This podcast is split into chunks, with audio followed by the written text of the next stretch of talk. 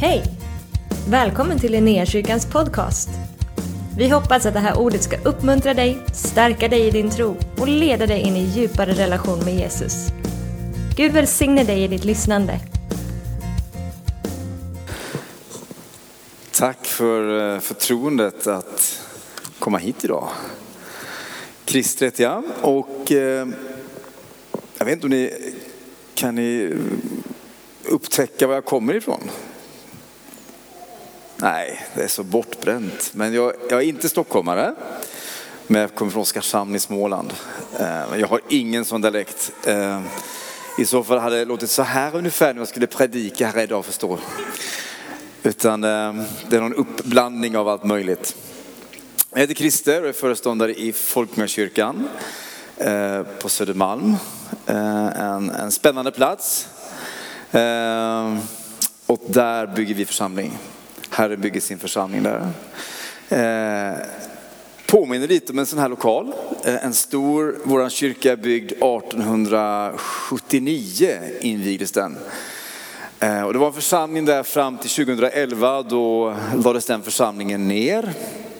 Jag ska komma till det i min predikan. Inte just den församlingen, men vad som händer när inte Guds ande får vara där. Eh, men vi flyttade in i de lokalerna 2013 och totalrenoverade. Vår församling hade då varit på Östermalm i Stockholm och det är, det är som Göteborg-Stockholm ungefär i skillnad. Alltså det är någonting helt annat. Så från Östermalm till Södermalm, dit flyttade vi. Därför att eh, den heliga ande faktiskt kallade oss att eh, flytta och bygga församling på Södermalm. Så där är jag föreståndare sedan tre år drygt tillbaka. Annars har jag jobbat eh, i Borås. Det är ju inte så långt därifrån. Där finns Älvsborg och de håller jag på. Är det någon mer som håller på Älvsborg här? Titta, fantastiskt. Det är starkt över dig. Eh, men ganska många år så var jag pastor i Motala i Östergötland. Och där fick vi vara med om en otrolig resa under ett antal år med väldigt många människor som kom till tro och döptes. Eh, en av dem eh, är med i den här gemenskapen, hon heter Ida, Ida Jansson. Jag döpte henne eh, otroligt regnigt och blåsig eh, augusti förmiddag för många år sedan. Döptes Ida. Eh, så det var en otrolig resa där, där jag fick, eh, jag hade varit pastor då i ungefär fem år innan, äh, förlåt, nio år. Så fick jag för första gången vara med om på riktigt att se att evangeliet är Guds kraft i frälsning. Att människor kommer till tro, blir lärjungar, eh, får se att Gud helar och upprättar, befriar människor. Ehm, vi brukar säga så här att kan det ske i Motala kan det ske precis vad som helst. Därför att oddsen för att det skulle hända i Motala, oddsen för att det skulle hända i, i baptistförsamlingen i Motala, de, de fanns inte. Eh, och det vittnar om att det hela detta med omvändelser, ha en kultur av omvändelser och mirakler, det, det är inte vårt verk utan det är hans verk. Eh, allt börjar med Jesus, allt slutar med Jesus. Eh, Det jag ska tala om idag är en kyrka som doftar Jesus. Det är mitt ärende idag. Ehm, och jag ska tala om vad är det bästa vi kan göra för människor och vad är det bästa vi kan säga till människor. Det är två enkla punkter. Vad är det bästa vi kan göra för människor och vad är det bästa vi kan säga till människor. Men innan jag går in i ordet eh, så skulle jag vilja att vi, vi ber för Göteborg. Ska vi stå upp tillsammans och så välsignar vi er stad. Det känns gott för mig som bor i Stockholm att få välsigna Göteborg. Jag älskar Göteborg. Säg det inte så högt bara. Herre, vi tackar dig för Göteborg. Du älskar den här platsen, du älskar den här staden, dessa människor, Herre. Och vi ber att ditt rike ska komma, Herre. Vi ber att din, din vilja ska få ske här i Göteborg, i, genom den här församlingen Herre. Genom din församling, genom ditt folk i Göteborg Herre. Herre vi tackar dig för eh, detta vittnesbörd idag om omvändelse. Vi vill se mer, mer av ditt verk helige ande. I Jesu namn. Amen. Ni kan stå kvar så får ni höra ordet. Och det är väldigt kända verser. Ehm, om man ska tala om det bästa vi kan göra och det bästa vi kan säga så är den här texten naturlig. Och det är Matteus evangeliets femte kapitel, vers 13 till 16. Och se framför er att det är Jesu lärjungar, denna grupp av inte direkt det bästa dreamteamet som Jesus börjar tala till. Och han säger, ni är jordens salt. Men om saltet förlorar sin sälta, hur ska man då få det salt igen? Det duger inte till annat än att kastas ut och trampas ner av människorna. Ni är världens ljus. En stad som ligger på ett berg kan inte döljas. Och man tänder inte ett ljus och sätter under skeppan utan man, man sätter det på hållaren så att det lyser för alla i huset. På samma sätt ska ett ljus lysa för människorna så att de ser era goda gärningar och prisar er far i himlen. Herre jag ber att ditt ord ska få tala till oss. Jag ber att du ska använda mig, använd min tunga till att tala ut det som förhärligar dig Jesus och ditt namn. I Jesu namn. Amen. Varsågod och sitt. Det är ju häpnadsväckande ord Jesus säger till sin grupp av lärjungar. Eh, jag brukar säga så här, han kallade dem som inga andra ville ha. Och det, där är ju faktiskt vad Paulus säger också i, i första Korinthierbrevet, att det som ingenting var, det utvalde Gud. Därför att det här med att vara kyrka, det handlar inte om oss, utan det handlar om vem, vem han är. Det är därför jag kunde säga som för en stund sedan att kunde det ske i Motala så kan det ske precis vad som helst. Kan det ske i en, i en kyrka, i en församling på Södermalm så kan det ske precis var som helst. Därför det handlar om vem han är, inte vilka vi är. Förra sommaren så upptäckte en av mina kollegor att en av våra kända skådespelare hade fotograferat våran eh, skylt utanför kyrkan och lagt upp det på sin Insta. Och vi har ett enkelt budskap eh, som vi faktiskt, vi sökte Gud och vi fick detta enkla budskap. Vi fick också hjälp av en, eh, en person som jobbar på, på Google som är frälst och överlåten. Och vårt budskap vi vill ha till stockholmarna är, det finns hopp. Det är liksom, det, det är ju enkelt, eller hur? Men vi upplevde verkligen att det här ska vi ha, det här ska människor möta. Och så lägger denna kända skådespelare upp vår rostiga skylt. Och så detta budskap, det finns hopp. Och så är det, nu ska inte pastorn överdriva, vi säger tusen, tusen kommentarer, nej det var för mycket, 500 kommentarer säger vi. Och ett par tusen likes, då överdriver jag inte. Och sen är det många som, som kommenterar, jag hade gett upp om detta, tack för att du påminde mig. Men då, då skriver den här skådespelaren så här, det här är ju kul. Tacka inte mig, så tacka Folkungakyrkan. Det där gillar jag. Alltså vad, vad ska en, en kyrka vara känd för? Och en kyrka ska vara känd för Jesus. En kyrka ska vara känd för vad Jesus gör och vad han säger. Det, det, är enkelheten i, i evangeliet. Och jag tänker så här att det var ju tusentals och åter tusentals människor som såg detta budskap på Instagram. Eh, och min bön var att de här människorna skulle få möta det hopp som bara finns i Jesus. För det är bara han som är hopp. Det är bara han som kan rädda en människa. Det var han som räddade dig. Det var han som räddade mig. Vad är det bästa vi kan göra för människor? Kan man få upp den? Kan du lägga upp den? Ja, just det. Ja, jag, jag skickade den till dig, men kanske inte han förstod.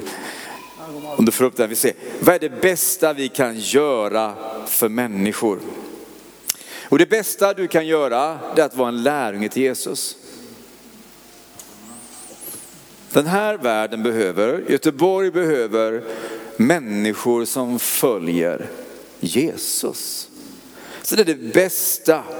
Och, Paulus som skriver så här till dem, de kristna i Efesos. Eh, han skriver så här, låt er förnyas till ande och sinne och klä er i den nya människan som är skapad till likhet med Gud i sann rättfärdighet och helighet. Wow. Det bästa vi kan göra det är att följa Jesus. Det är vad den här världen behöver. Och att vara kristen det är inte någonting som vi försöker vara. Att vara kristen, att vara en lärling till Jesus, det är att börja leva det liv som jag är skapad för i honom. Det är lärjungaskap. Alltså det handlar inte om att jag ska försöka vara kristen, jag ska försöka vara god. Det, det, det går inte. Utan det är någonting som händer när vi börjar följa Jesus, precis som den här gruppen av de första lärjungarna. Jesus kallar ju människor på samma sätt. Det är på det sättet han, han bygger sin kyrka. Han kallar människor till att följa honom, att vara med honom. Jag lyssnade till A.G. Samboda, han är eh, teolog, eh, professor i USA, han var en av talarna på Nyhemsveckan och på torvkonferensen. Han berättade att han, han blev frälst när han var 16 år. Han hörde två stycken klasskompisar tala om Jesu återkomst. Han fattade ingenting. Men det var någonting med Jesus som bara liksom slog an i honom. Så när han kommer hem så böjer han sina knän. Och så säger han, Gud tala till mig. Jag öppnar Bibeln, om du talar till mig ska jag tro på dig. Och så öppnar han Bibeln och han hamnar i tredje Mosebok. Och han läser i två timmar och fattar ingenting. Men det är någonting som händer med honom, så han säger Gud jag ger dig en chans till. Och så öppnar han och då hamnar han i Markus evangeliets andra kapitel när Jesus kallar Matteus eller Levi. Och Jesus säger så här till Levi, följ mig. Och då hör A.J. Samboda Jesus säga, följ mig. Det är, det är där det kristna livet börjar, livet att vi börjar följa Jesus. Det är det som är grejen med kristendom. Det är det som är grejen. Jag kan säga det efter 38 år som kristen. Det är Jesus som är grejen. Efter 29 år i församlingstjänst, jag kan säga det är Jesus som är grejen. När en kyrka stänger ner och får slå igen, då har den slutat att vara kyrka för länge sedan. Det jag läser om i min bibel läser evangelierna och breven så är det ju en kyrka som, som vänder upp och ner på den här världen. Som är smaksättare alla Jesus. Som är jordens salt. Som är världens ljus. Jag brukar säga att det står inte väl till i våra gamla så kallade väckelsesamfund i Sverige. Jag pratade med Gabriel, han har inte koll på frikyrkorna, det är bra, det behöver du inte ha. Du ska ha koll på Jesus. Men en gång så var det ju så här i vårt land att orsaken till att vi har den välfärd vi har i Sverige, fortfarande ett av världens rikaste länder, det beror på väckelsen på 1800-talet som förvandlade ett helt land. Sverige var känt för att man sände ut så pass många missionärer.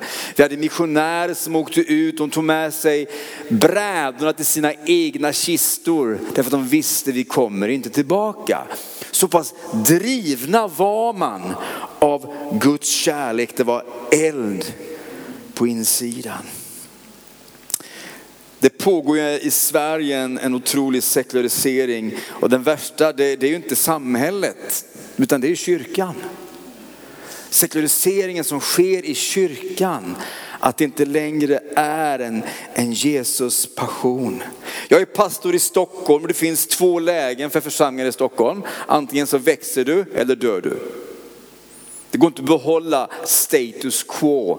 Utan antingen växer du och innebär att det är den heliga andes liv. För att tala klarspråk. Nu talar jag inte om växten av att det kommer människor från andra kyrkor. Nu är det mer hippt här, nu sjunger vi de här lovsångerna. Nej, utan det är att människor blir födda på nytt av den helige ande. Blir lärjungar och blir, blir döpta och följer honom. Jag var så glad när jag var, innan jag åkte hit i, med, med, med tåget på förmiddagen så var jag förbi kyrkan för jag skulle skriva ut min predikan. Och, och då mötte jag en del av våra nya människor som var på väg till kyrkan och var på väg i tid för att be. Jag tänkte på, på Robin som kom gående där på Folkungagatan. Han är 40-årsåldern. Han jobbar på KTH. Han fick syndanöd på tunnelbanan. Eh, han såg med förakt på en, en tiggerska. Och han fick syndanöd. Jag behöver bli frälst. Liksom. Var kom det därifrån? Och sen hamnar han på en alfakurs i vår kyrka och när vi har helige ande-dagen, då klanar allt. Och han blir frälst och samtidigt uppfylld av den helige ande. Det är det här livet vi behöver. Det här livet behövs i Stockholm, det här livet behövs i Göteborg. Jag predikar ju också i en, en sån här gammal kyrka fantastiskt. Men det tragiska är ju att det fanns en församling där tidigare som lades ner därför att den dog. Den dog ut. Det var ingen ny tillströmning av människor utan den lades ner. Det tragiska är när jag mötte en äldre man som kom förbi kyrkan och frågade, får jag, får jag komma in? Absolut, säger jag. Så berättade han, jag gick här när jag var liten. Och så berättade han om, det var så mycket människor i kyrkan, det var så spännande att vara på väckelsemöten. Alltså han var inte kristen idag. Men som en liten pojk gick han där. Och så berättade han om, vid ett tillfälle, det var så mycket folk. De sa att det var 900 människor och då satt du som packad sill i vår kyrka. Vi får ta in 500. Men det var kyrkbänkar på den tiden, så man hade fått ihop alla dessa människor. Och en gång var det så här i Stockholm det behöver bli så igen. Det behöver bli så i Göteborg. Där det var en, en sälta som hade en stark påverkan, inte genom att man predikade moral, mot moraliskt förfall, utan att man, man levde ut det här livet som Jesus visar på i bergspredikaren. Lyssna, det är Jesu lärjungar som är jordens salt. Därför är att vara lärjunge det bästa vi kan ge människor. Det bästa du kan ge dina medmänniskor är att du följer Jesus. Petrus är ju en av de här lärjungarna då. Eh, och han skriver ju senare, längre fram i sitt liv, så här i sitt första brev. Texten kommer upp tror jag, första Petrus brev 2.10.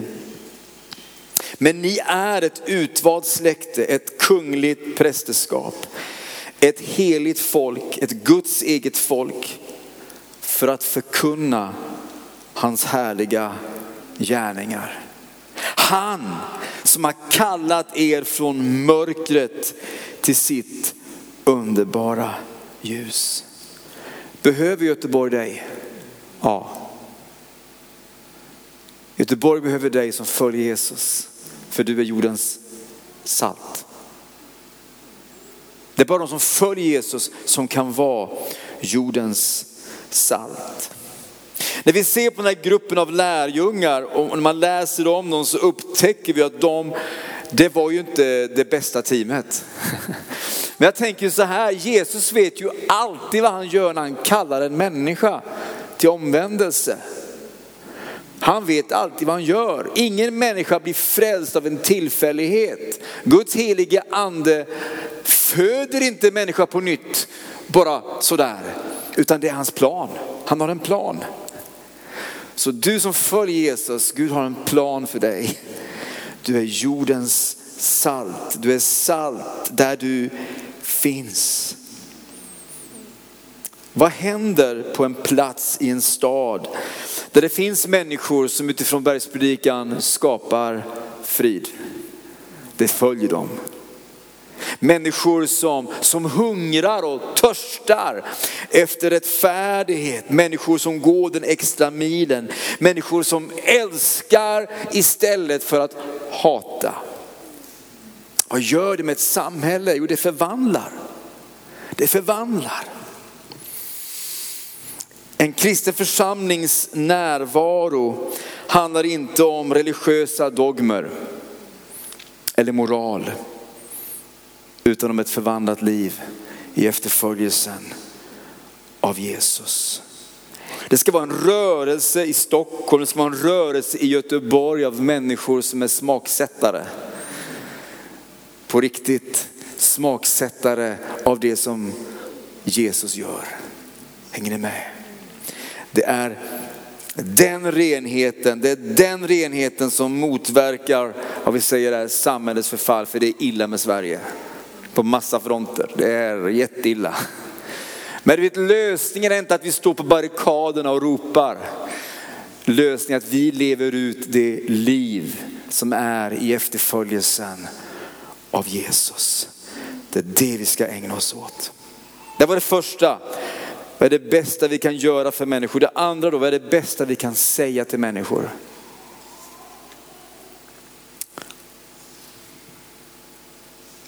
Jesus säger så här om sig själv. Ni ska lära känna sanningen. Och sanningen ska göra er, er fria. Det är Guds sanning som sätter en människa fri. Därför måste en kristen och en kyrka, vi måste stå på sanningens grund och det är Jesus Kristus själv, evangeliet. Paulus han går så långt i ett av sina brev där han säger att församlingen, den levande Gudens församling är sanningens pelare och grundval. Förstår ni vilket ärende vi har? Vilket ärende ni har som nya kyrka här i Göteborg. Paulus skriver så här om människan. Denna världens Gud i andra Korinthierbrevet 4 har förblindat de otroligt sinnen så att de inte ser ljuset som strålar från evangeliet om Kristi härlighet. Han som är Guds avbild. Lyssna, att förkunna evangeliet är att komma med uppenbarelse. Evangeliet är uppenbarelse om rättfärdighet från Gud. Så när evangeliet förkunnas för människor så ger det ljus. Jag har under mina år som pastor jag har sett så många människor, hundratals och åter hundratals människor komma till tro. I början hade jag ingen tro för detta med omvändelser. Jag tänkte det, det går inte i Sverige. Människor förstår inte, de har ingen kunskap. Men det som leder en människa till omvändelse det är att de får höra evangeliet. Och jag kan tänka, du fattar ingenting, men den helige ande ger förklaringen. Jag tänker på en av våra nya kyrkan, Filip, han har en vanlig sekulär bakgrund. Men hans fru blev frälst hon drar med honom till kyrkan därför att hon längtar efter Gud. Och hon blir frälst efter en gudstjänst. Och han är en snäll make så han följer med henne till kyrkan. Och sen hamnar de på alfakurs.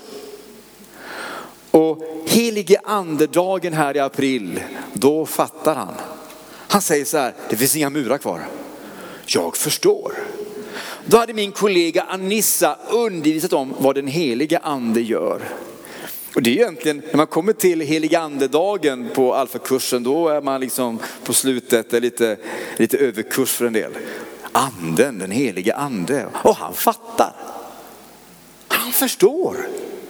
Vem är det som uppenbarar det här? Jo, det är ju den heliga ande.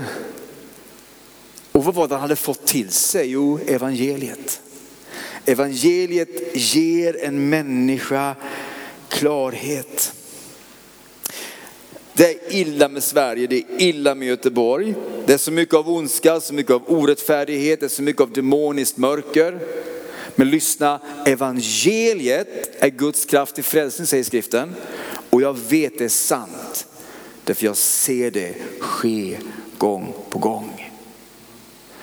Förra veckan så, vi, vi, vi jobbar med språkcafé i vår kyrka för ukrainare. Fantastiskt att få vara med och se vad Gud gör också där. Då kommer in en kvinna och jag upptäcker att du är ju inte ukrainare. Så jag går fram och ska försöka förklara att det här är språkcafé. Och, ja, min son ville komma in i kyrkan här, säger hon.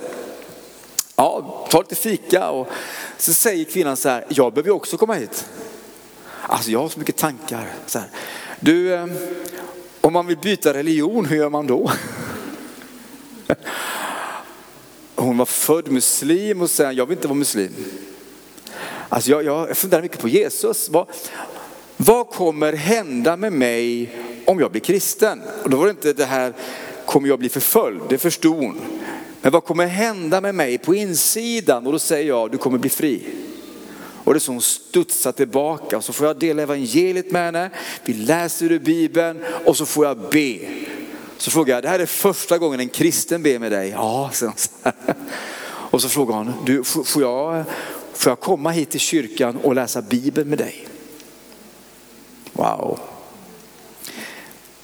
Sanningen gör en människa fri. Orsaken till att du blev frälst, du som sitter här, du behöver inte räcka upp handen.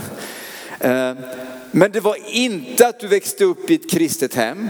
Det var inte för att du faktiskt eh, växte upp i en kyrka, att du hamnade i en kyrka. Utan det var att den heliga ande väckte dig till liv. Genom att du fick höra evangeliet. Jag tänker på en man, det är några år sedan, jag var pastor i Motala. Han följer med en arbetskamrat, han är 55-årsåldern sådär. Och han är ateist när han kommer till kyrkan. Sin första gudstjänst är han ateist. Under predikan så upptäcker han, Gud finns. Var kom det därifrån? Han bara fick, det var det mest självklart, Gud finns. Söndagen på är han tillbaka och han kommer själv. Då är det precis som att någon leder hans steg. Han kommer fram till mig och jag tittar på honom och så säger jag till honom, vill du bli frälst? Ja. Han fattar inte vad det innebar, han fattar inte vad han säger. Men där och då när vi ber så får han nytt liv på insidan. Wow. Eller Amanda, Amanda, det här var några månader sedan, Amanda kommer på vår alfakurs. Och hon säger första kvällen så här, jag tror inte Jesus har funnits. Och jag tänkte, vad bra. Alltså inte att du tror det just nu, men vad bra att du är här. För jag fick tro omedelbart på att den här tjejen skulle bli frälst. Den kvällen så lämnar hon alfakurs, hon kom dit för att testa första kvällen. Hon blev medbjuden av en kvinna i vår kyrka som själv kom till tro under sin alfakurs. När hon går hem den kvällen så är hon övertygad om att Jesus har funnits. Det bara, det bara finns där. Sen har vi kommit in en bit in i kursen. I alfakursen är det så att du, du närmar dig successivt liksom, eh, häftiga saker. och så kommer vi till rätta med att Jesus han dog på korset för våra synder och detta. Och då får hon tro för det också. Sen är det en kamp i henne ett par veckor. Och så kommer heliga andedagen och hon har så mycket frågor och hon har så mycket, hon tycker vi har så konstiga idéer om sexualitet och allt möjligt. Jag tänkte gode Gud, hur ska det här gå? 30 minuter senare säger jag, kan ni be för mig att jag blir fylld av helig ande? Och så ber vi, hon blir fylld av helig ande. Gången veckan på så blir hon helad. Och på avslutningsfesten blev hon döpt. Då är hennes pojkvän med. Därför att hon blev helad i sin hand. Vi hade haft eh, en kurs, eh, en av kvällarna är om hur du ska dela med av din tro. Och det bästa sättet att vittna, det är att be för en människa, be om mirakel och mirakel sker. Så hennes hand, hon har inte kunnat använda sin tumme, nu kan hon använda sin tumme. Pojkvännen visste att det här är sant, för han hade inte fått hålla hennes hand på typ två år. Så han är med när hon döps, han är helt fascinerad, han läser till läkare. Och så börjar vi prata lite om, jag, jag liksom berör några berättelser och sen så här, jaha sa han, är det från Bibeln här med Lazarus kommer ifrån? Det finns något som heter Lazarus syndromet. Det är att när någon är dödförklarad och kommer tillbaka. Och det finns en story i Johannes 11, så han skulle hem och läsa den om, om Lazarus som blir uppväckt av Jesus när han varit död i fyra dagar.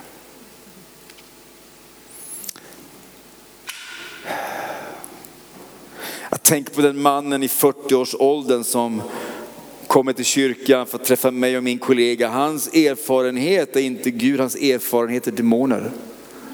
Onda andar har varit hans liv sedan en liten pojke. Han berättar sådana berättelser och han är inte knäpp. Jag bara vet att det är ju på riktigt. Men så får han höra evangeliet om Jesus. Och Jesus säger, om nu sonen befriar er blir ni verkligen fria. Och vi ber och han blir fri. Ett par veckor senare så går han ner i vår dopgrav och får begrava sitt gamla liv. Han hade haft en världsbild där den andliga världen var mer verklig än den fysiska världen. Nu fick han en ny världsbild där att Jesus är Herre. Att Jesus förlåter synd, att Jesus befriar, att Jesus upprättar. Vad är det bästa vi kan säga till människor i evangeliet? Och evangeliet alla Jesus, lyssna, evangeliet alla Jesus skadar ingen människa. Det finns mycket i en kyrka som kan skada människor. När vi har en kultur som inte är en Jesuskultur. När vi håller på med sånt som inte har sitt ursprung i Jesus, som inte doftar Jesus, då skadar det människor. Men lyssna, den helige andes verk skadar aldrig en människa. Därför att den helige andes verk är vad Jesus gör i en människa. Lyssna ett sista, det är två bibelord till. Johannes evangeliets första kapitel, det här är viktigt. Ordet blev kött och bodde bland oss. Jesus blev ju människa fullt ut. 100% människa, 100% Gud. Men utan synd. Och vi såg hans härlighet, en härlighet som den enfödde har från Fadern och han var full av nåd och sanning. En kyrka ska ju vara full av Jesus, eller hur? Det innebär att en kyrka ska vara full av nåd och sanning. Full av nåd och sanning. Jag älskar den här versen, han var full av nåd och sanning. Och jag kan säga, jag har sagt det en gång innan, efter 38 år som kristen, 29 år i kristet ledarskap. Det Jesus gör skadar ingen människa. Det Jesus gör, det sätter en människa fri. Så vårt ärende det är evangeliet till människor. Och vi är anförtrodda, du och jag vi är anförtrodda. Vi kallas i Bibeln för ambassadörer. Paulus talar om det i andra Korinthierbrevet 5. Att vi är Kristi ambassadörer. Det innebär att vi, vi, ska, vi företräder honom och ingen annan. Vi talar å hans vägnar, men måste det vi säger stämma överens med vem, vem han är, eller hur? Därför ska Jesu karaktär ska få, få prägla en kyrka. Och det är möjligt genom den helige ande. Jag är pastor, men jag är också evangelist och jag, eh, jag älskar att få, få samtala med människor, jag älskar att få be med människor. Ehm. Men ibland kan jag också bli väldigt bedrövad och arg, vred, heligt vred när jag ser exempel på eh, evangelisation som inte doftar Jesus. Jag bor i norrort i Stockholm, jag ska inte hänga ut församlingen, men det finns en församling någonstans där i norrort som, som när de evangeliserar tycker jag skadar evangeliet. Ehm. Ibland står de vid pendeltågstationen där jag bor och eh, vid ett tillfälle så kunde jag inte hejda mig, jag gick fram och pratade och så frågade jag, tror att det här är det bästa sättet att presentera evangeliet för människor? Um,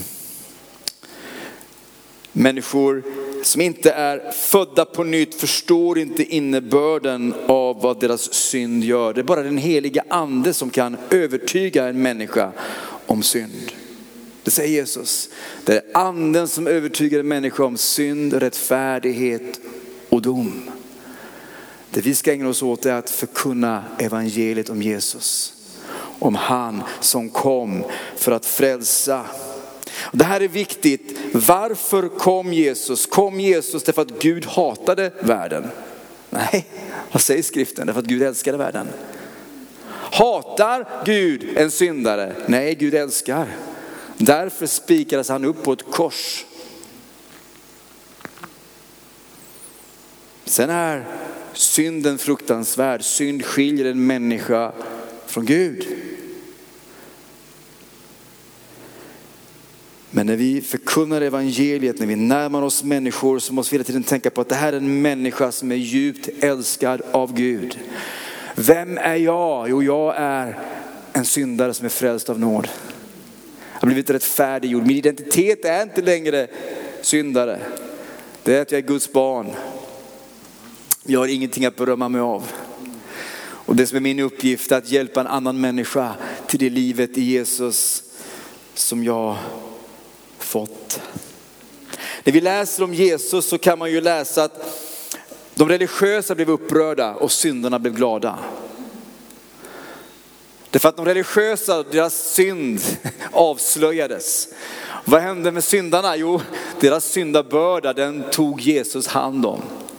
Man kan läsa så här i Lukas 15. Det står alla tullindrivare, och de här tullindrivarna var ju, de var ju avskydda. Det var liksom avskydda människor. Det var de som jobbade för romerska ockupationsmakten. Eh, alla tullindrivare och syndare höll sig nära Jesus för att höra honom. Det är någonting med Jesus. När en kyrka är fylld av Jesus så kommer människor som har både det ena och det andra i sina liv, som bara Jesus kan befria dem från. De människorna kommer komma, de kommer vilja vara nära. När vi inte har de människorna nära oss, då är det någonting som inte stämmer med kyrkan. Då är det något som inte stämmer med vår efterföljelse.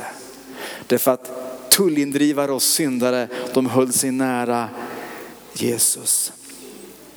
En kyrka som är känd för Jesus är inte uddlös i sin förkunnelse. Men den kyrkan är heller inte kärlekslös. Den kyrkan är fylld av nåd och sanning.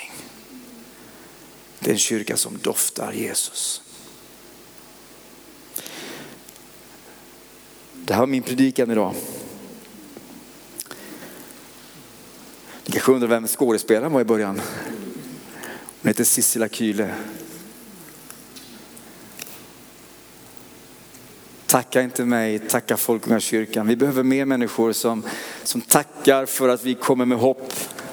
Och vi är bärare av hopp. Det är Jesus som förvandlar liv. Jag har sett så många liv förvandlas där människor har levt så tillknyktade liv på allt möjligt sätt. Och jag tänker på en man som hade, han drack ganska mycket alkohol, alltså högt upp i affärsliv. Han drack för mycket vin. Varje kväll drack han vin, inte så att han var full direkt, han var ju påverkad. Så säger den heliga ande till honom så här, det räcker med tre glas. Alltså drack han fyra glas vin varje kväll. Du vet, det är inte sunt.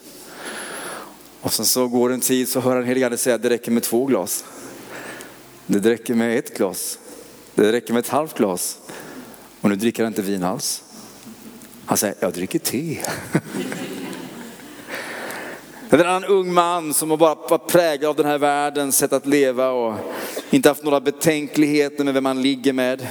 Plötsligt så känner han i sig att jag vill inte längre ha sex, jag vill vänta till jag är gift. Och det är inte att någon i kyrkan har gått till honom och sagt, nu när du har kommit in i vår kyrka, då ska du leva så här. Utan det är den heliga ande som, som transformerar en människa. Wow. Sådana här kyrkor behöver vi. Som är fulla av Jesus. Amen. Tack för att du har varit med oss. Hoppas du känner dig inspirerad av Guds ord och har fått nya perspektiv. Hör gärna av dig till oss och berätta om Gud har rört vid dig på något sätt. Vi är så glada att få höra vittnesbörd om vad Gud gör. Du kan mejla oss på adressen info och dit kan du även mejla om du har ett böneämne som du önskar att vi ber för. Eller om du har tagit emot Jesus och inte har någon bibel så vill vi mer än gärna skicka en bibel till dig. Skicka ett mejl med ditt namn och dina adressuppgifter till info så ser vi till att du får en. Om du vill ge en gåva till Linnéakyrkans arbete för att nå fler människor med evangelium så kan du swisha till 123 520 0993. Du kan också besöka oss på linneakyrkan.se för att få mer information. Välkommen tillbaka att lyssna snart igen.